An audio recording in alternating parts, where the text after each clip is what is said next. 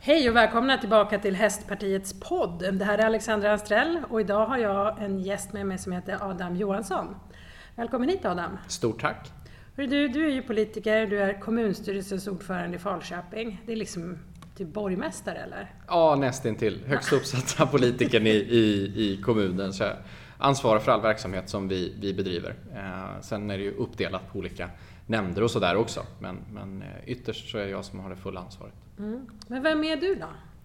Ja, men jag brukar beskriva mig själv som Falköpingsbo, eh, ridsportkille och Sveriges genom tiderna yngsta kommunstyrelseordförande. Eh, det är väl de där eh, tre korta orden. Eh, och Falköpingsbo, uppenbart, jag menar, det är där jag kommer ifrån, det är där jag har bott hela mitt liv, född och uppvuxen. Eh, och ridsportkille sätter jag som en viktig identitet för mig själv. Jag började rida när jag var fyra år gammal och hållit på med hästar sedan, sedan dess. Och sen då eh, att jag 2019 fick förmånen att bli då kommunstyrelsens ordförande i Falköping. Och den hittills eh, yngsta någonsin att, att väljas till det. Då måste man ju ändå ställa frågan, hur gammal är du? Nu är jag 25 ja. Eh, och då var jag 23. Okej, okay. wow. Ja. Det är ändå rätt fränt. Absolut. Sen är det ju såklart, jag hoppas ju alltid på att, att jag blir bedömd utifrån andra förmågor än min, min ålder. Eh, jag har väl någon gång lite kaxigt sagt sådär att eh, om det finns de som, som eh, tycker att min ålder är det, det, största problemet som jag har så kan jag garantera att det är ett övergående problem i alla fall. Just det. Så. Mm. Men det är ändå ganska många som i den åldern kanske inte är, är jätteinsatt i, i politiken och så vidare. Hur länge har du hållit på med politik då? Jag blev medlem i Moderata ungdomsförbundet efter valet 2014 eh, och jag är väl lite av den där klassiska bakgrunden. Eh, engagerad i elevråd och elevkår och alla de delarna under både eh, grundskole och gymnasietiden. Och sen så var jag då ordförande för elevkåren på, på Katedralskolan där jag gick i Skara och sedan då efter valet så visste jag ju att ja, men jag kommer ju eh, successivt inte att fortsätta i det här uppdraget och jag kommer att lämna gymnasiet men jag kände att jag har liksom fortfarande ett stort engagemang. Eh, och det där med att göra saker för andra än sig själv. Eh, under gymnasietiden så handlade det om att skapa en, en mer givande skoltid för eleverna. Och jag ville fortsätta ta mitt engagemang vidare och politiken har alltid intresserat mig. Jag har alltid haft lite sådär, ja, vilket parti ska man välja? Eh, men är väl ändå starkt präglad utav Fredrik Reinfeldts år vid, vid, makten och som statsminister. Så det givna valet för mig blev ändå eh, Moderaterna. Så då gick jag med hösten 2014 i Moderata ungdomsförbundet och eh, lite drygt tre månader senare då så blev jag snabbt distriktsordförande också för, för Moderata ungdomsförbundet Skaraborg och var det under, under tre års tid fram till, till våren 2018. Då. Och under tiden med det så började jag successivt engagera mig i kommunpolitiken också och blev då satt på, på första plats på Moderaternas lista i kommunen 20, 2018. Då. Så det har gått fort. Verkligen, det visar ju verkligen att Moderaterna är ett parti där det är kompetens som räknas och inte att man behöver stå på väntelista i halva sitt liv. Nej men verkligen, eh, och jag tror eh, att det är någonting som är viktigt för ska vi engagera människor idag med allt annat som lockar till intresse Eh, många säger liksom “What's in it for me?” och, och, jag tror att ska vi locka människor till politiken att både våga, vilja och orka ta de, de lite tyngre uppdragen i, i de politiska partierna så kan vi inte hålla på med det där att man först ska börja sitta som ersättare i kultur och fritidsnämnden i, i fyra år under en mandatperiod och sen har man tur kanske man får gå vidare till någon av de större nämnderna och vara ersättare där under en mandatperiod och sen vidare tillbaka till kultur och fritid, kanske få komma in i presidiet och så efter en ja, 12 år sådär harvat runt i, i kommunen, då kanske man äntligen får bli eh, ordinarie eller ordförande eller så. Eh, och det tror jag är alldeles för lång tid idag för att kunna engagera människor. Man behöver lite snabbare puckare. Ja, men jag tror det. Eh, att, att våga visa på att det finns en, en väg in snabbt i politiken. Eh, jag tror att det är viktigt. Hörru du, vad är det då det bästa med Falköping? Oj, det finns ju så mycket som är fantastiskt. Eh, ja, men vi är en lagom stor stad, lagom stor kommun. Vi den största kommunen i och för sig till ytan i Västra Götaland. Eh, så vi har flera större tätorter eh, utöver Falköpings stad. Då. Eh, så ungefär hälften av de som bor i kommunen bor antingen i Falköpings stad eller på, på landsbygden. Då. Så det tar en timme att åka från den södra delen i kommunen till den norra delen. Och det har ju både sin charm och sina utmaningar såklart. Det finns en förväntansbild på, på god kommunal service i alla delar av kommunen. Och det är både bra men det kostar också pengar. Men jag skulle säga det mest fantastiska med Falköping, jag älskar naturen. Vi har eh, många fina platåberg och vi har en närhet till naturen. Hornborgasjön ligger närmast. Eh, det är någonting som jag uppskattar och tycker väldigt mycket om. Hornborgasjön, det är väl där man har tranorna? Ja, exakt. Ja. Och det fantastiska med tranorna då är att, att vi har ju under tre veckors tid så kommer de och häckar och, och det är mellan 20 och 25 000 tranor varje år. Eh, men omsätter ju enormt mycket i turistnäringsomsättning. Så bara för, för eh, besöksnäringen så eh, gör det ungefär 50 miljoner under tre veckors tid. Och det är klart att det slog hårt under första året av pandemin när allting runt tranorna fick, fick ställas in. De var de enda som fick ha, ha trängsel när de stod och dansade. Ja just det, de var ändå där. De ja, ställde upp. Ja, vi jagade inte ut några eh, vakter för att liksom skingra dem och säga några får vara här och några får vara där och liksom så. Utan de, de fick ändå hållas. Eh, men tyvärr så kom det inga besökare. Och av förklarliga skäl med de restriktioner mm. som var. Mm. Och det kommer ofta mycket intresserade besökare från utlandet, inte minst Tyskland och Storbritannien har ett stort fågelintresse. Mm. Så där finns det många besökare ifrån. Intressant. Hur är det med hästar i Falköping då? Vi är en väldigt rik hästkommun också. Eh, det finns många, många hästgårdar och vi har tre stycken aktiva, eh, till och med fyra aktiva eh, ridsportföreningar. En ridskola, större, de är Falköpings hästsportförening som driver. Och sedan så har vi två stycken anläggningar som två andra föreningar driver som ligger ute på landsbygden. Då. Det ena är Vartofta rid och körsällskap som har ett, ett ridhus och en, en utebana och likaså Floby Ryttare då som också har ridhus och, och utebana. Eh, och sedan så har vi en förening också som heter Hagens ridsportförening som bland annat tog sig till finalen i Elitallsvenskan här i, i somras. Mm, roligt. Ja, det är jättekul. Eh, och där gick vi från kommunens sida in och, och sponsrade dem i deras satsning till Elitallsvenskan också. Eh, mm. Så det känns, känns roligt att vi kan stötta det mm. eh, och att kunna bidra till att det aktiv och att det finns goda förutsättningar att bedriva ridsportverksamhet i, i vår kommun. Du säger att du är ridsportkille. Hur menar du då? Vad är liksom, hur är du engagerad? Har du en egen hästgård? Har du hästar? Ja, men om man, eh, hoppning har det varit för mig. Ja. Eh, men, men, den långa historien börjar ju när jag är när, fyra år gammal då. Eh, och eh, fick börja på ridskola. Eh, inte tillräckligt stor för att börja på den, den vanliga ridskolan då som, som Falbjörns ridsportförening har. Men, Eh, däremot då så, så, fick jag börja på en mindre sko, ridskola där man hade eh, shetlandsponnyer. Och jag minns särskilt då pytteliten som var en, en mini-shettis. Eh, och den älskade att slänga av varenda barn som, som de satte på den där. Och jag tyckte att det var helt fantastiskt. Den liksom hoppade och den sparkade bakut och den stegrade sig och den gjorde allting. Och jag tyckte att det här är ju hur kul som helst. Så jag blev fast i ridsporten eh, och började rida eh, på den här ridskolan, fortsatte vidare till, till ytterligare en ridskola, Skogsgläntan, eh, där vi faktiskt red i princip alla ridlektioner barbacka och med halsring. Mm. Så under mina första år då så vi kanske fick rida med sadel en gång per termin högst och all annan tid red vi barbacka och det är klart att det la grunden för en, en bra balans och, och, en god ridning redan från, från start. Och sen fortsatte jag vidare till, till den större ridskolan och fick min första egna ponny när jag var 10. Jag har haft tre ponnyer och en, en stor häst. Men sen 2019 då i samband också med att jag tog det här uppdraget så, så la jag stövlarna på, på hyllan eh, för ett oh, tag nej. framöver i alla fall. Ja, så nu har jag faktiskt inte ridit så mycket eh, de senaste åren. Det har blivit några strötillfällen då och då. Men eh, tiden hinns inte riktigt med så. Vad har du för favorithäst då genom tiderna? Är det pytteliten eller har du någon annan? Nej men det är klart att de tre, tre eh, hästar, eh, eller fyra rättare sagt, som jag har haft själv ligger mig enormt varmt om hjärtat såklart. Ehm, min egna tävlingskarriär har väl kanske inte präglats av större framgångar genom åren. Eh, jag har haft envisa ponnyer som, som visserligen har lärt mig på ett väldigt bra sätt att kunna ta motgångar. Så. Mm. men de ligger ändå varmt om hjärtat. Så både, både då eh, Ladde som var min första ponny och sen så eh, Stella och Vera och Da Vinci som storhästen hette. Då. Det är väl de, de favoriterna och de tre sista har jag faktiskt på en, en stor tavla hängandes hemma i lägenheten målade. Mm. Så det, ja. Fränt. Uh, skulle du säga att hästlivet har präglat dig som ledare? Enormt mycket. Hur då? Ja, men jag tror att det där med att tidigt få ta ansvar för någon mer än bara sig själv. Och jag tror att ja, men, Ger man hästen för mycket mat, ja, men då blir den av förklarliga skäl rund om magen. Ger man den för lite mat, nej men då, då blir den för smal, då orkar den inte med.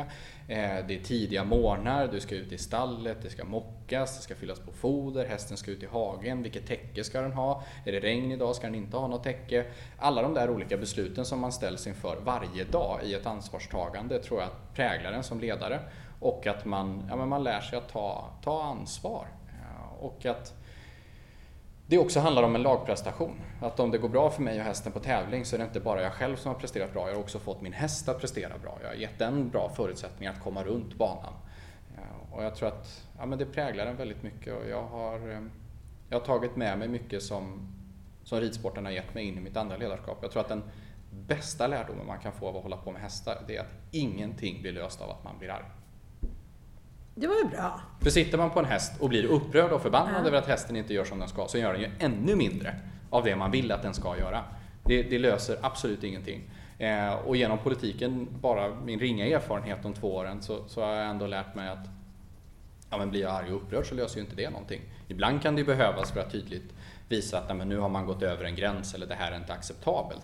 Men i de allra flesta diskussioner och förhandlingar som vi har så blir jag väldigt sällan upprörd utan försöker liksom hitta ja, en lösning på att komma framåt.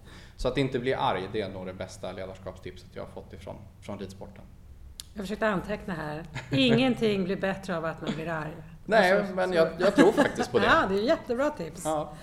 Och precis som du säger, man kanske blir arg, man sitter där, man får inte till det, blir arg på hästen när det faktiskt de flesta, eller typ alla gånger är det ju ens eget fel. Ja men så är det. Sitta på en hoppträning och eh, ponnyn stannar gång efter gång efter gång efter gång på det där eh, oxen.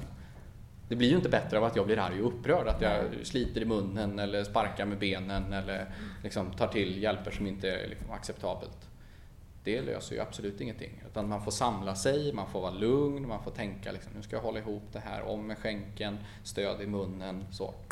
Och förhoppningsvis så kommer man ju över då. Mm. Eh, så att, att inte bli arg, det löser inget.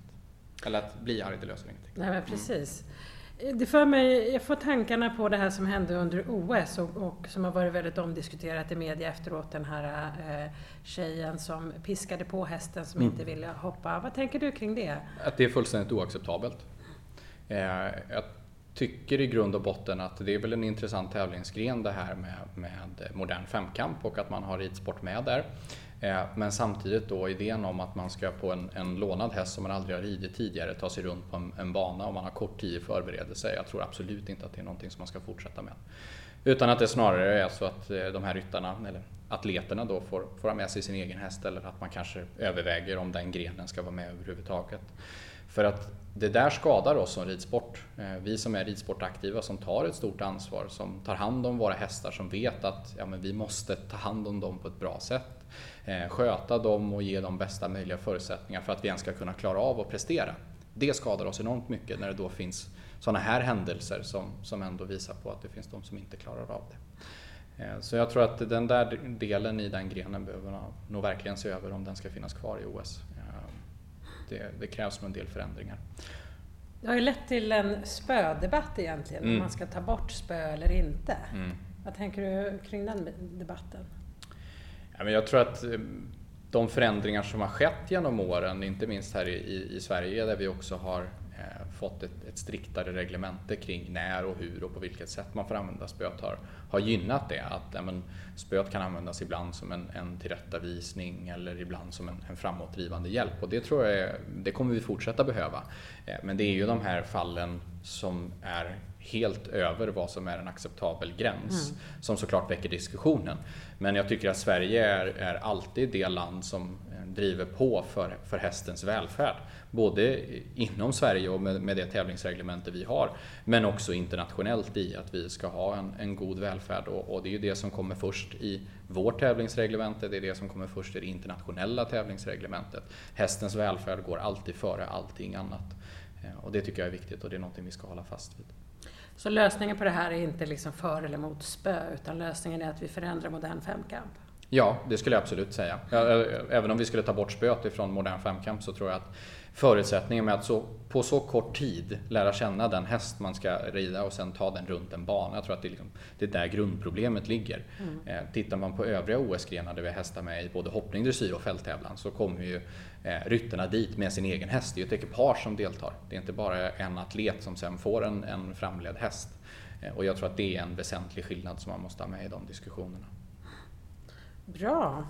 Du, I Falköping, skulle du säga att du har jobbat för att ni har jämställda bidrag i, till ungdomar? Jag tänker hästnäringen är ju någon eh, fråga som ofta lyfts upp om att eh, det, det inte är samma. Man bygger många eh, idrottsanläggningar mm. men man bygger inga ridhus och, och, så vidare. Är det något som ni har jobbat med? Ja, det måste jag säga att vi har gjort. Eh, jag ska inte ta äran för att det är saker som har gjorts under min tid utan det är saker som, som faktiskt har varit sedan tidigare. Eh, ett antal aspekter i det här som är viktigt att ha med sig är att eh, alla anläggningar som ligger utanför Falköpings stad är föreningsdrivna. Oavsett om det är fotbollsplaner eller ridhus eller tennisbanor så är det föreningarna själva som driver och, och Eh, an, ja, har hand om de anläggningarna och får också ett, ett stöd ifrån kommunen eh, för de delarna. Då. Eh, men sedan så har vi någonting som heter kommunstrategiskt bidrag som kommunstyrelsen årligen beslutar om och där vi kan gå in då med, med större investeringsstöd till exempel till föreningar som vill bygga om sina, sina anläggningar oavsett om det handlar om idrott eller om det är kulturverksamheter eller, eller vad det nu kan vara så kan vi gå in med det. Eh, och vid alla de tillfällen som det har byggts ridhus i kommunen, eh, både då ridskolan som byggde ett nytt ridhus för några år sedan, Floby Ryttare som var på väg att bygga ett nytt ridhus men där tyvärr då finansieringen föll för ja, från annat håll och inte från kommunens sida. Eh, och även Vartofta då så har kommunen gått in. Eh, så för, för Floby Ryttares del så handlar det om 3 miljoner som kommunen skulle skjuta till för att, att de skulle kunna göra sin, sin satsning då. Så jag tycker vi har gjort ett, ett bra jobb där i att stötta ridsporten eh, men att stötta alla idrotter också. Mm. mm. Wow, jag är imponerad. Härligt att höra. Men du, jag har ju också läst på Facebook att du har ett litet extra knäck. Ja, så är det. Ja, berätta. Ja, men det där började egentligen för, för eh, många år sedan och inte i form av att jag var, var speaker som är det uppdrag som jag har nu utan när jag var 15 år så började jag sommarjobba på ett företag som heter Ekip eh, som eh, bygger och levererar det system eller det tävlingsadministrationssystem som används utav alla eh, föreningar runt om i Sverige och eh, för att sälja in det ytterligare så har vi även hela marknaden i, i Norge, Finland och, och Danmark. så, eh, men där började jag sommarjobba och, och då med den operativa delen utav företaget där vi då är ute på större tävlingar när arrangörer vill ha stöd i att köra systemet och ha med oss utrustning för det, både tidtagningar, datorer och, och allting som krävs. Då. Och gjorde det under ett antal år och har varit runt om i, i Sverige och i världen på, på olika tävlingar. Eh, och sedan har jag också varit aktiv och engagerad i, i Grevagårdens ryttarförening som är min, min hemmaklubb. Eh, och det började väl där på någon, någon pay and jump och så att jag fick ta mikrofonen och, och berätta vilka eh, ekipage det var som kom in på banan och, och, på den vägen är det med att successivt få, få större och större uppdrag. Eh, och det har gått fort även där. Jag tror att jag gjorde mitt första, första SM 2017 och sedan dess har jag gjort SM nästan varje år. Eh, och det är en fantastisk möjlighet tycker jag att kunna få vara kvar i ridsporten mm. Eh, utan att själv vara den som sitter på, på hästen. Jag hade nog, som jag beskrev tidigare med de tävlingsresultat jag har haft, aldrig eh, kommit till den nivån överhuvudtaget. Att få, få vara speaker både på, på Friends Arena och i Falsterbo på, på Svenska mästerskapen. Eh, det hade jag nog inte klarat av själv. Men nu får jag den möjligheten att vara där och se världens bästa ekipage utan att själv sitta på, på hästryggen. Och det tycker jag är fantastiskt. Mm. Så i somras så var du på Falsterbo? Ja, det var första året nu som jag har fått eh, ta över då. Och det är klart att det är en en stor kavaj eller stora skor att fylla efter Jan Fristedt som i, i ridsportvärlden är en, en legendarisk speaker och, och, har i Falsterbo då varit i över 40 år. Och som nu då på, på en visserligen pigg åldershöst eh, väljer att, att gå i pension då. Eh, så då fick jag förmånen att eh, få ta över här efter Janne nu då. Vad är det svåraste med att vara speaker? Jag tror att det är både att ja, men vad ska man säga, blanda eh, seriositeten med att samtidigt ge en engagerad upplevelse. Eh, jag tror inte att det här med att sitta och skrika i en, i en mikrofon, att det är det som liksom engagerar publiken. Utan mitt jobb är att både förmedla på ett seriöst och, och eh, kunnigt sätt. Vad är det för, för klass vi ska ha nu? Vad är det för förutsättningar som gäller? Eh, vad är det som kommer att avgöra? Hur mycket prispengar är det i slutändan? Är det en tidshoppning så innebär det här för ryttarna. Då kommer man att behöva hitta de snabbaste vägarna. Det är snabbast i mål som gäller för att, att stå först på pallen. Eh, men också då eh, engagera publiken i att men nu är det ju verkligen ett svenskt ekipage som kommer in här. Nu har vi möjlighet i att kunna gå upp på första plats, att eventuellt ta hem segern i den här stora klassen.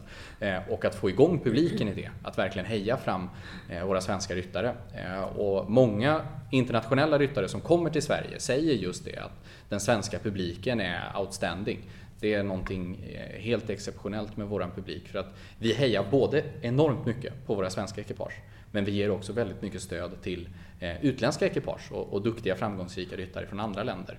Så för oss är det sporten som är viktig. Vi är en kunnig publik som går på tävlingar. Eh, vi kan den. Men att göra den där avvägningen då för att, att summera ihop det, både att vara seriös och, och, visa men också att kunna engagera och få igång publiken. Det är väl det som jag tycker är en, en utmaning. Mm. Vilken är den mest spännande runda du har varit med när du har varit speaker? Eh, när jag har varit speaker, det måste väl ändå vara eh, här i Falsterbo som, som är väl hittills det största som jag har gjort. Sedan har jag då via Ekip och, och jag har och är fortfarande, vad kan man säga, DJ på flera av våra st större tävlingar också och spelat musik. Men, men eh, jag hade förmånen att, att, göra det på Ullevi när, när Peder tog hem eh, EM-guldet 2017. Eh, och inför fullsatta läktare. Det är väl ett sånt där som är... Jag får mina... ståpäls på armen. Ja, men det är ett av mina bästa ridsportminnen. Eh, och det andra som, som nästan slår det måste jag säga var 2019 eh, på Stockholms stadion. Global Champions Tour och deras första gång som man har det här i Sverige. Och vi har lördag, det är strålande sol, det är fullsatt med publik. Det är avgörande omhoppning och i den så har vi både då Peder Fredriksson och Malin Bajard Jonsson som gör upp om segern. Mm. Peder kommer etta och Malin kommer tvåa. Eh, och det är liksom alla förutsättningar som, som finns i världen och, och, vi rundar av hela den kvällen med att när, när den svenska nationalsången spelas så kan jag dra ner volymen och hela stadion sjunger. Det är ju nästan som man blir eh, mm. lite så rörd när man hör ja. det nu. Men det var... jag har ståpäls på båda armarna. Ja, det, det, var helt fantastiskt. Det är verkligen sånt där minne som jag kommer bära med mig för all framtid. Vad fränt. Ja, det var häftigt. Ja, det är roligt. Och vad kul att du säger att det, publiken i Sverige verkligen är på gång eh, när det, när det gäller. Det är härligt. Jag tänker att eh, det kanske är bra. Du håller på med politik, där pratar man mycket och speaker, där pratar man mycket. Är det liksom, känner du att du får hjälp av eh, båda uppdragen eller det ena till det andra och så vidare? Ja, men det får jag ändå säga att jag, jag gör. Ehm, jag pratade ju mer i mikrofon före dess att jag blev politiker. Mm. Så den eh, ändå erfarenheten av att prata i en mikrofon, att höra sin egen röst, att prata klart och tydligt, det fick jag ju med mig från, från speakerdelen så. Eh, men sen då att kunna hålla låda, att, att hela tiden hitta ord och, och, saker att prata om, det har jag ändå fått med mig från politiken. För det är ju någon av de saker som, som vi är duktiga på, att kunna ge svar, att, att kunna förklara förhoppningsvis på ett tydligt sätt så att antingen väljarna förstår eller att publiken i Falsterbo förstår vad är det vi, vi nu ska ta oss an. Eh, och sedan så får man också med sig från, från speakerdelen då eh, ja, förmågan att prata i mikrofon, att göra det inför många människor, eh, att ja, vara lite, lite rapp och lite sådär i, i, vad man säger. Eh, och det, ja, jag känner att jag kan dra nytta av båda uppdragen.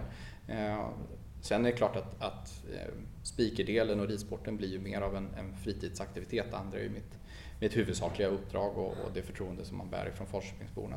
Mm. Igår var jag på ett möte och min kollega satt och räknade. Vi kunde till slut inte riktigt vara allvarliga men eh, vi var, hade en person som pratade på mötet och under eh, en, nu säger jag också själv, ö, det brukar jag inte göra. Under mötet så säger han, på två minuters tid så hade han 30 ö Oj. i det han pratade. Till slut kan man ju inte sluta Nej. lyssna på ö. Nej. Eh, det är roligt, roligt, att du just säger att du har fått med dig den delen, vikten av att kunna prata tydligt ja. och, Då tror jag att man når ut till alla, både gammal och ung.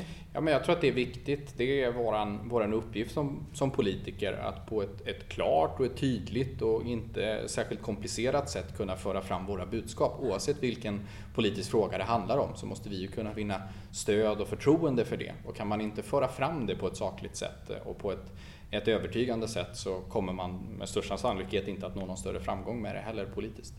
Eh, och framförallt inte i stöd ifrån, från medborgarna eller från väljarna. Mm. Mm. Ja, det tror jag är jätteviktigt. Jag får höra det i alla fall, framförallt för många, från många äldre. Ja. De har sett mig på TV och åh vad du var bra, du var så klar och tydlig. Mm. Och den du pratade med, men man gick inte att höra och de pratar si och de pratar så. Ja. Och det är ändå lite kul att uh, få höra om man uh, har gjort det bra ifrån sig. Absolut, uh, och jag tror också att det som som är viktigt är att inte prata för fort. Mm. Det är nog någonting också som man lär sig av att, att vara speaker. Att, att, prata för fort gör att, att man hör inte vad som sägs och det blir otydligt och pratar man i ett lagom tempo och mer, jag ska inte säga berätta röst så, men, men uh, det, det, går fram i alla fall. pratar man för fort blir man dessutom andfådd. Ja, det, det allt svårare. Ja. Men du, som politiker, jag tänker om du nu blir uppringd här efter valet och föreslagen, eller vi har ju faktiskt ingen landsbygdsminister nu heller. Nej, det är beklagligt. Ja, det är jättebeklagligt. Det är helt galet faktiskt. Men oavsett när det nu blir, så blir du uppringd och du får uppdraget att bli ny landsbygdsminister. Mm.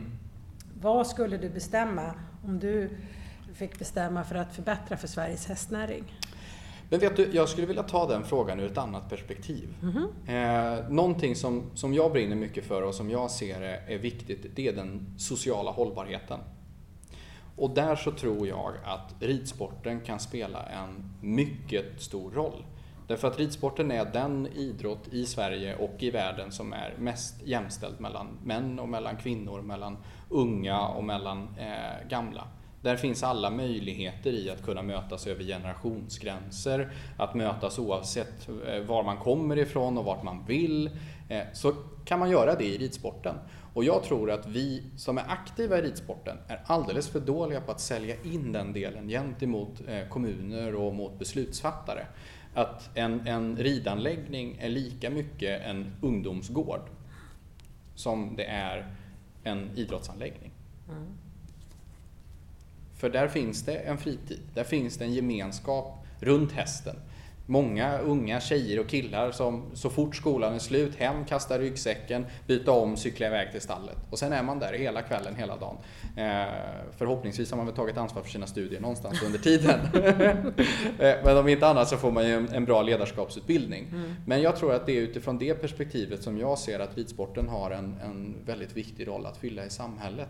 Och som jag tror att vi är, är dåliga på att, att eh, berätta mer om. Sen är det klart att det finns många andra saker som vi behöver göra med tillgång på mark och möjligheten att kunna bedriva sin, sin hästverksamhet utifrån ett, ett eh, näringslivsperspektiv och så vidare. och så vidare. Men just den delen eh, ser jag som särskilt viktig och med alla de utmaningar vi har att, att faktiskt kunna ja, men väva in det i det. Häftigt! Ja, det låter som att du skulle klara jobbet bra. Vi får väl hoppas det.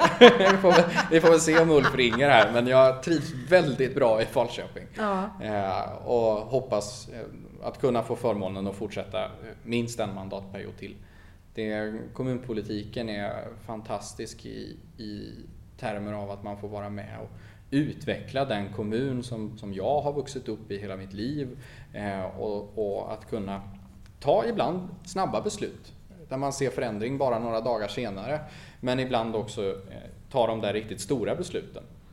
De som man vet kommer att förändra över, över lång tid framöver. Förändringar i skolorganisationen eller bygget av nya stadsdelar och bostadsområden och hur bygger vi upp ett sånt? Hur ser vi till att vi inte redan ifrån start bygger in eh, motsättningar i, i, att vi kanske bara bygger hyresrätter utan ser till att vi får en, en, en, en ny stadsdel med blandad upplåtelseform. Det finns både villor, det finns radhus och det är bostadsrätter och det är hyresrätter och, och så. Eh, just att vara närvarande i samhällsbygget, det tycker jag är mest givande med att vara kommunpolitiker. Alla de här besluten som du pratar om, finns det, vilket av alla beslut som du har tagit under den här tiden som du har varit eh, borgmästare i Falköping, vilket beslut är du mest stolt över? Jag är mest stolt över att vi har sett till att få ordning och reda i ekonomin under de här åren. Eh, kommunen hade en väldigt hög investeringstakt och det har vi fortsatt. Eh, man ansåg inte till att man säkrade den långsiktiga finansieringen för att också kunna eh, inte vältra över de skulderna på framtida generationer. Vi har gjort ett Eh, stort och gediget arbete i att få ordning och reda på vår ekonomi, att nämnderna klarar sina, eh, sina resultat, att man eh, inte då går med, med, stora underskott utan att vi gör ordning och reda på det och att vi också ser till att på sista raden så står det ett, ett resultat som gör att vi klarar av att hålla den investeringstakt som vi också gör. Så det skulle jag vilja säga är den ena delen. Och den andra delen är att vi har tagit ansvar i en väldigt orolig tid. Och då finns det två perspektiv på den frågan. Dels så var det en väldigt orolig tid när, vi tog över. Jag leder ju en konstellation som består av allianspartierna tillsammans med Vänstern och Miljöpartiet. Oj. Och det kom sig av att det var en, en turbulent situation i den tidigare majoriteten eh, och där, där eh, vi då tog över och det var turbulent under ett antal månader även efter maktskiftet. Eh, och sedan så tänkte man då att nu är det lite lugn och ro där i, i, i februari och så dröjde det några veckor och sen kom covid-19 och med allt vad det innebär. Mm. Så det är väl den andra delen då, att vi har tagit ansvar i en, i en orolig tid. Mm. Vad ser du som den viktigaste frågan inför nästa mandatperiod? Jag skulle säga att det finns eh, flera frågor. Dels är det att fortsätta jobba med skolan, att säkerställa att alla elever lämnar årskurs 9 med godkända betyg. Det är en förutsättning för att vi ska kunna få ett, ett samhälle som håller ihop, att man lämnar skolan med goda betyg eller åtminstone godkända betyg för att man sen ska kunna ta sig in på en gymnasieutbildning. Eh, och sedan i förlängningen eh, till ett jobb och en egen försörjning. Oavsett om det är vägen via universitets eller högskolestudier eller om det är direkt via en yrkesutbildning ut i, i arbete. Det är den ena delen. Den andra delen som jag ser som helt avgörande det är integrationen och att få ner eh, arbetslösheten. I Falköping så har vi en arbetslöshet bland utrikesfödda som ligger strax över 30 procent. Oj! Ja.